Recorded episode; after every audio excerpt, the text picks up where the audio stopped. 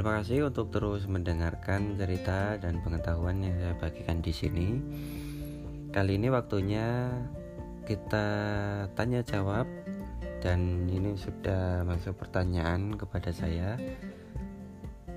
Ini adalah pertanyaan mengenai cita-cita ya. Pertanyaannya seperti ini. Apa cita-citamu?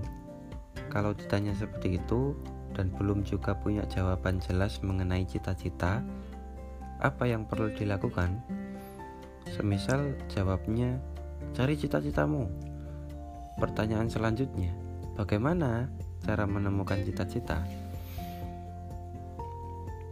Ini saya pikir termasuk pertanyaan klasik yang banyak ditanyakan orang karena nggak semua orang itu punya cita-cita, nggak semua orang punya ambisi, nggak semua orang itu punya mimpi. Bahkan mimpi pun juga macam-macam kalau saya kan mimpinya besar ya. Saya saya ingin ini saya ingin ini. Tapi nggak semua orang setuju dengan mimpi besar kan. Ah yang penting ini aja cukup gitu. tetapi perlu saya tegaskan bahwa orang itu beda. Yang punya mimpi sama tidak yang punya cita-cita besar sama tidak itu beda. Seperti kamu lomba kamu mengincar juara satu. Lomba lari lah katakanlah. Kamu ngincar juara satu kamu pasti akan latihan tiap pagi lari. Kamu lihat lintasannya kayak gimana musuhnya kayak gimana. Juara tahun kemarin siapa ikut enggak dan seterusnya. Kamu akan persiapan dulu lah. Pasti ada persiapan karena targetnya tinggi gitu. Tetapi untuk orang yang katakanlah saya ah sekedar ikut aja lah atau terpaksa ikut karena dipaksa oleh seseorang ya saya akan larinya juga lari-lari kayak gitu lari maksa gitu. Ya kayak gitu. Memang hidupnya hidup orang itu kayak gitu. Beda orang yang punya tujuan tinggi sama yang biasa-biasa aja itu pada akhirnya akan berbeda. Usahanya akan berbeda hidupnya akan berbeda dan seterusnya. Jadi orang yang mengincar kursi tertinggi, dia akan memiliki usaha yang beda dengan orang yang pasrah-pasrah terhadap hasil. Itu merupakan fakta yang bisa kita lihat di mana pun.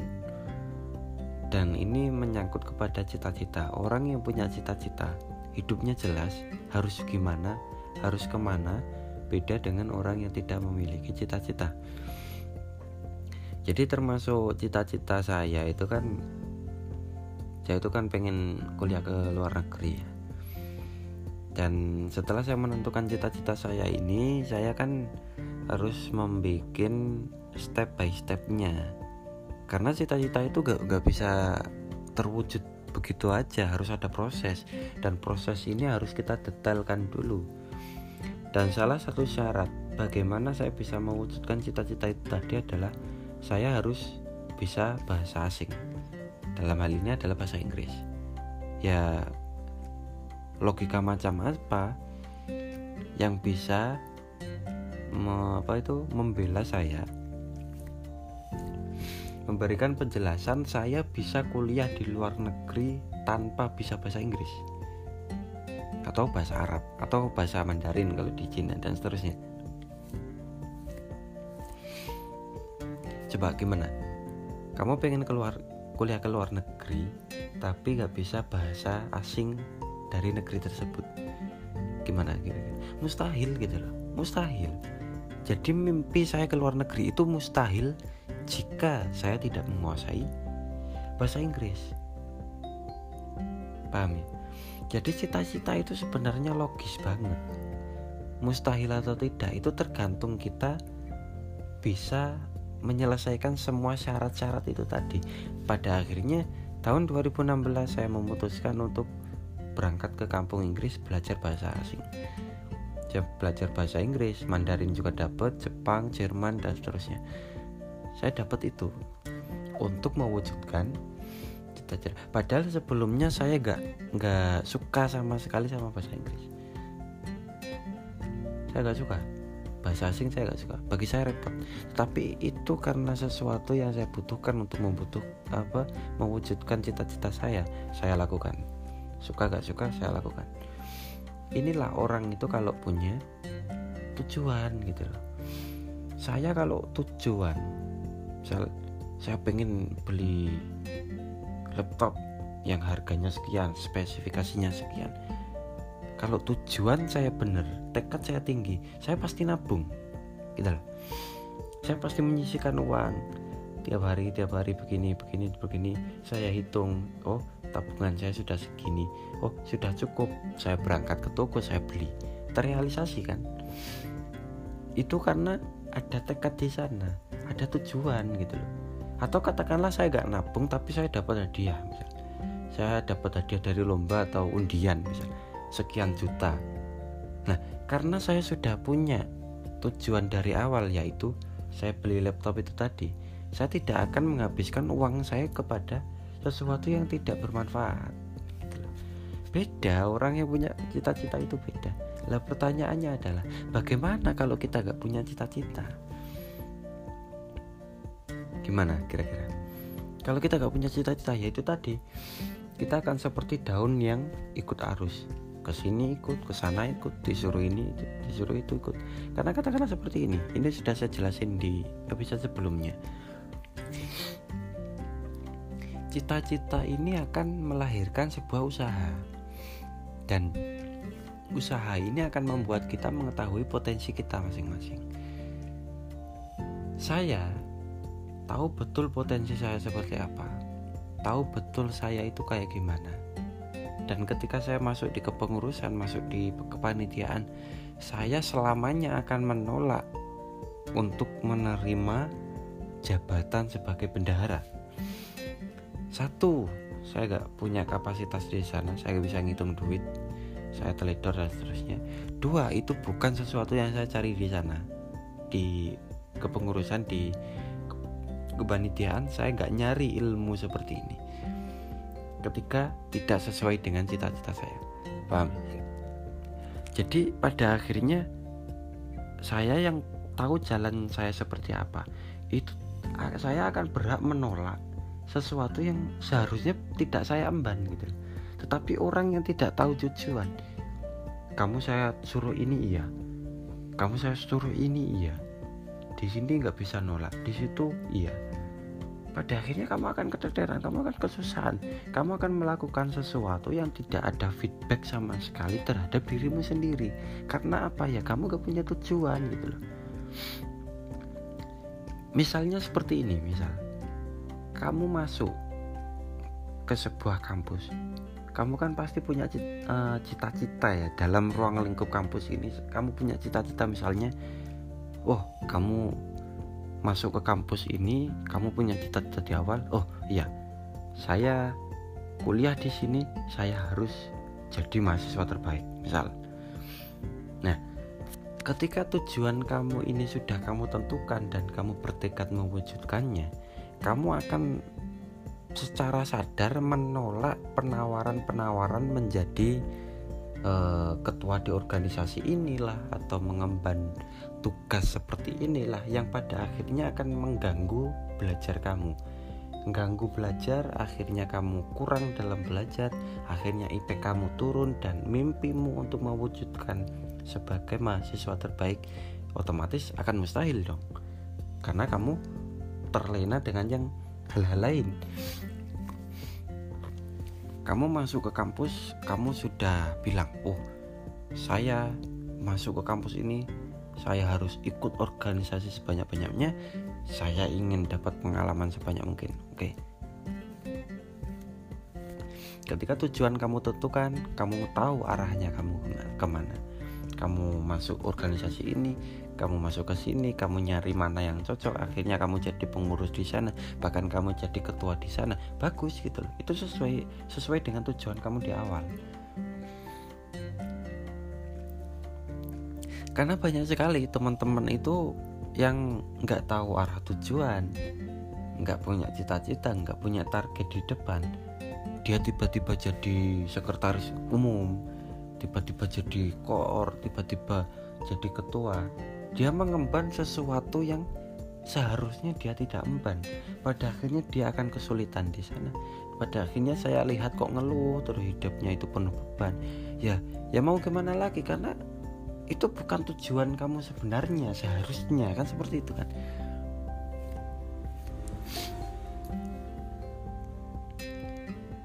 Maka ya gimana ya? Orang kalau gak punya cita-cita ya kayak gitu. Dia hidupnya itu susah karena dia gak punya tujuan. Ya katakanlah kamu masuk masuk ke terminal terus kamu naik ke bis ya kamu kan gak, gak bisa asal naik kan? Kalau saya mau ke Jombang ya kamu saya cari jurusan yang tulisannya Jombang gitu kan. atau yang melewati kota itu. Masa iya? Saya mau ke Jombang naiknya bis menuju ke Malang. Kan nggak sejalur gitu. Pada akhirnya saya akan tersesat. Karena salah kayak saya apa saya salah naik. Oh kamu niatnya itu pergi ke Bandung naik kereta kok malah ngekliknya itu tujuannya pasar Senen. Ya nggak bisa gitu loh. Semua itu serba logis. Dan orang yang nggak punya tujuan ini hidupnya ini nggak terarah gitu. Hidupnya ini akan was-was. Dan saya sering menemukan orang kayak gini. Kadang dia menolak untuk di apa diajar. Dia menolak untuk belajar. Dia menolak untuk didampingi ya ya susah juga karena dia memang nggak punya nggak punya tujuan sama sekali. Dan pada akhirnya dia akan e, merasakan tekanan terhadap lingkungannya terhadap pelajarannya dan seterusnya. Dan yang paling saya takutkan adalah teman seperti ini biasanya akan mengalami depresi dalam dirinya sendiri. Ya karena itu tadi salah jalan. Seharusnya mengemban sesuatu yang tidak diemban dan seterusnya. Nah cara untuk menemukan cita-cita ini sebenarnya cukup rumit dijelasin cuma saya coba sederhanakan. Cara untuk menemukan cita-cita adalah banyak muhasabah banyak melamun dalam arti baik. Artinya bukan melamun yang jelek-jelek tapi e, memikirkan diri sendiri. Saya itu gimana sih orangnya saya itu kurangnya apa? Saya itu gimana ya kalau sama orang gini-gini? Jadi melamunnya itu melamun yang baik. Kalau dalam bahasa Arab disebut tafakur. Introspeksi diri ya bisa lah kalau pakai kata itu bisa lah.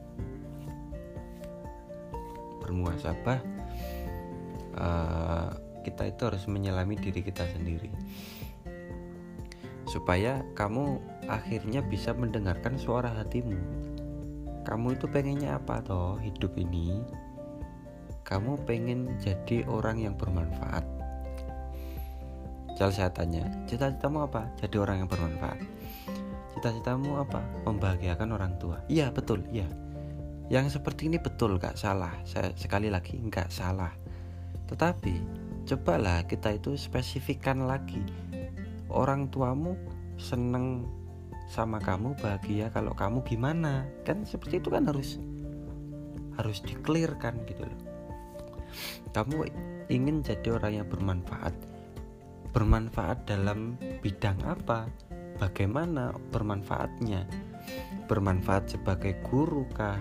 Bermanfaat sebagai uh, membuka apa lapangan pekerjaan kah bermanfaat sebagai penjaga lingkungan kah? Atau bermanfaat apa? Banyak sekali pilihannya dan itu harus kita tentukan gitu. Kalau kita nggak menentukannya ya kata tadi kita akan bimbang gitu. Makanya ini penting kita harus tahu dulu kita itu pengennya apa. Cobalah kamu tuh tanya ke dirimu sendiri ke hati kecilmu kamu itu pengennya apa?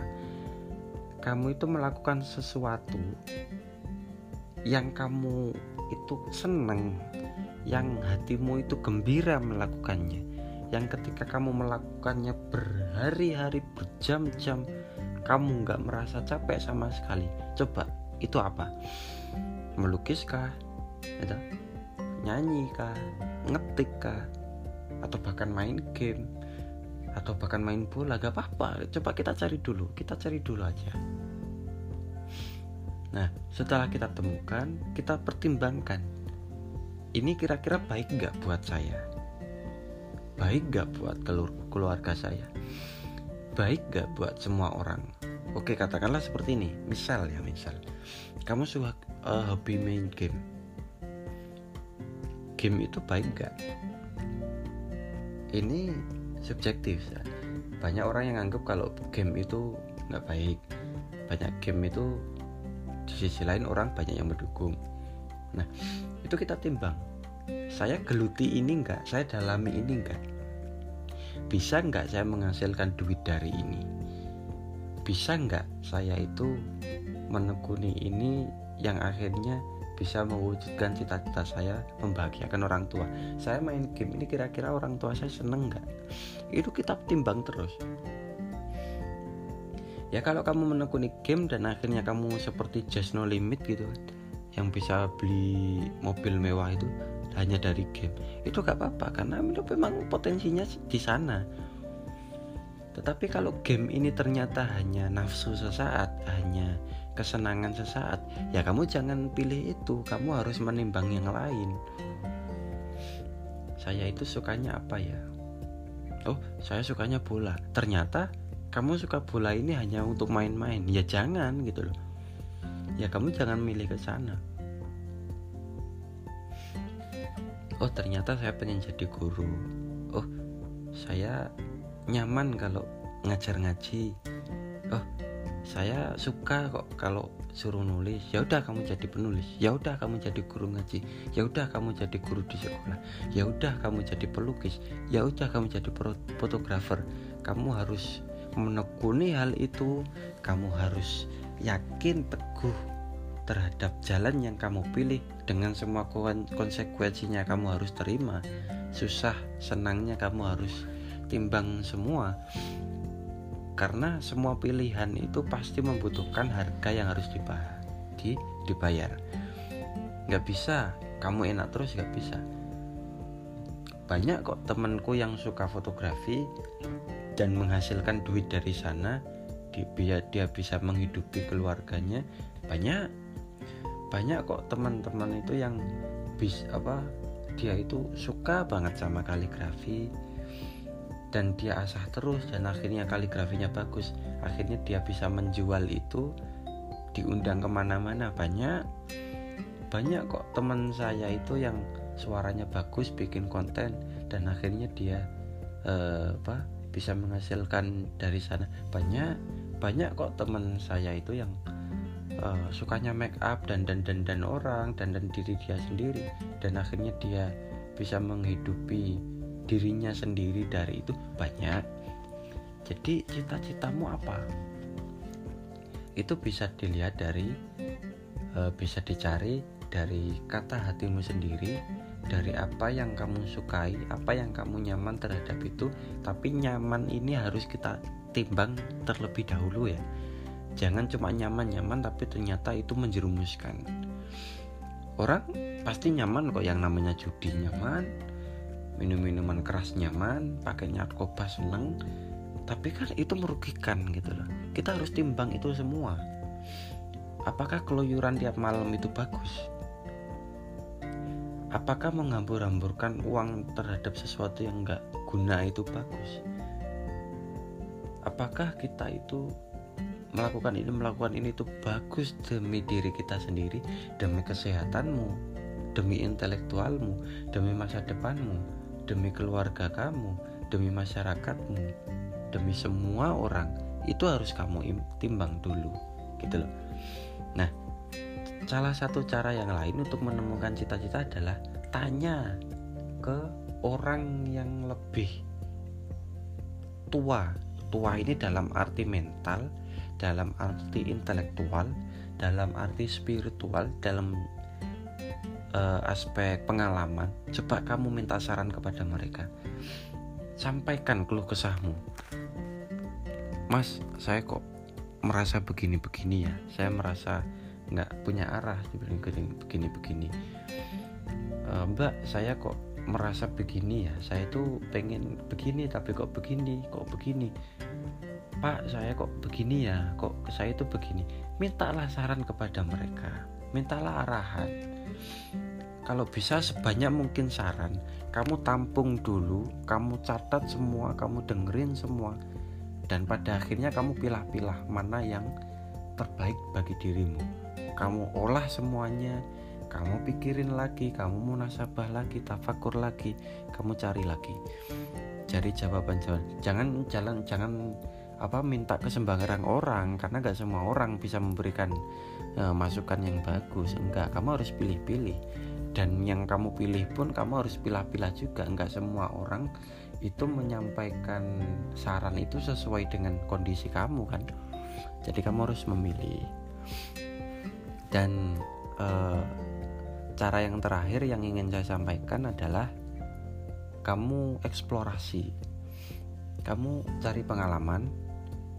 Dengan banyak pengalaman kamu saya yakin akan menemukan apa yang kamu inginkan apa yang kamu butuhkan apa cita-cita kamu apa impian kamu kamu juga bisa banyak baca buku terutama baca biografi ya. Ini sangat saya rekomendasikan. Kamu bacalah bagaimana Soekarno itu pada akhirnya jadi presiden. Kamu pelajari sejak dia ke masa kecilnya. Kamu pelajari Nelson Mandela itu kok bisa seperti itu? Kok bisa ya Mahatma Gandhi itu uh, memimpin rakyat India? Kamu pelajari bagaimana uh, apa Martin Luther King itu uh, apa uh, bisa pidato sebegitu hebatnya bagaimana Einstein itu bisa menjadi ilmuwan yang hebat bagaimana Nabi Muhammad itu bisa membawa Arab yang awalnya apa di jurang kebodohan menjadi terang seperti itu bagaimana uh, eh, J.K. Rowling itu pada akhirnya menjadi penulis yang luar biasa. Bagaimana bagaimana bagaimana biografi orang-orang besar coba kamu baca. Baca sebanyak mungkin. Karena orang-orang hebat itu biasanya pasti pernah mengalami uh, apa pertanyaan stuck seperti ini. Cita-cita saya apa tuh jati diri saya itu seperti apa tuh saya itu harus bagaimana? Mereka pasti mengalami fase ini dan kita harus pelajari bagaimana mereka melewati fase ini bagaimana mereka itu menentukan cita-citanya. Bagaimana mereka itu melewati fase terberat dalam hidupnya. Jadi yang pertama kita harus banyak tafakur tadi banyak muhasabah. Kita merenung merenung dalam arti bukan merenung yang jelek tapi merenung yang positif. Dan yang kedua eh, kita apa tadi? Saya lupa ya? Eh, kita tentukan eh, apa itu? Apa yang kamu sukai dari awal apa yang kamu ingin dari hati kecilmu apa yang kamu nyaman di sana. Lalu kamu bisa juga minta saran ke orang yang lebih tua tadi yang saya sebutkan atau bisa jadi yang lebih muda atau eh siapa pun lah yang kamu percayai yang kamu kira dia bisa memberikan saran yang membangun terhadap ini. Dan juga jangan lupa membaca atau nonton film seperti nonton The Theory of Everything, uh, The First Man, Ford versus Ferrari, Bill apa, Steve Jobs dan seterusnya apa film-film biografi yang yang apa yang hebat-hebat itu tadi. Atau kamu bisa juga baca buku biografi orang-orang hebat biografi orang-orang yang luar biasa kamu baca. Dengan ini saya pikir bisa membantu kamu untuk menentukan cita-cita. Karena cita-cita harus kamu tentukan secepat mungkin. Karena kalau gak, kamu gak punya kamu akan kesulitan menapaki hidup ini setelah kamu menemukan kamu rasionalik uh, rasionalkan kamu bikin step-stepnya kamu harus ini kamu harus begini-begini dulu syarat-syaratnya kamu penuhi supaya cita-citamu itu menjadi cita-cita yang bisa digapai, bisa diwujudkan. Jangan jangan sok-sok apa sok-sok yakin, sok-sok pede, terlalu pede tetapi kita gak ada usaha untuk mewujudkannya. Kembali kepada kalian masing-masing ya. Cita-citamu besar atau kecil itu terserah hak kalian. Yang penting saya berharap kamu jangan sampai tidak punya cita-cita tidak punya tujuan untuk hidup tidak punya impian untuk kamu kejar. Karena beda orang yang punya impian dengan yang tidak dan untuk kamu yang sudah memiliki impian baik besar maupun kecil atau apa pun itu ayo kita bareng-bareng kita berusaha kita wujudkan supaya mimpi itu jadi nyata. Kita buktikan bahwa kita bisa. Kita buktikan bahwa kita itu mampu mewujudkan yang mustahil sekalipun. Kita usaha kita berusaha kita berjuang untuk mewujudkannya menjadi nyata menjadikan mimpi itu tidak sekedar mimpi tetapi mimpi itu adalah doa yang pada akhirnya Tuhan mewujudkan kita setelah kita berusaha berjuang mati-matian. Terima kasih telah mendengarkan. Saya tunggu pertanyaan-pertanyaan selanjutnya. Semoga bisa membantu. Sampai jumpa dan semoga bermanfaat. Terima kasih. Música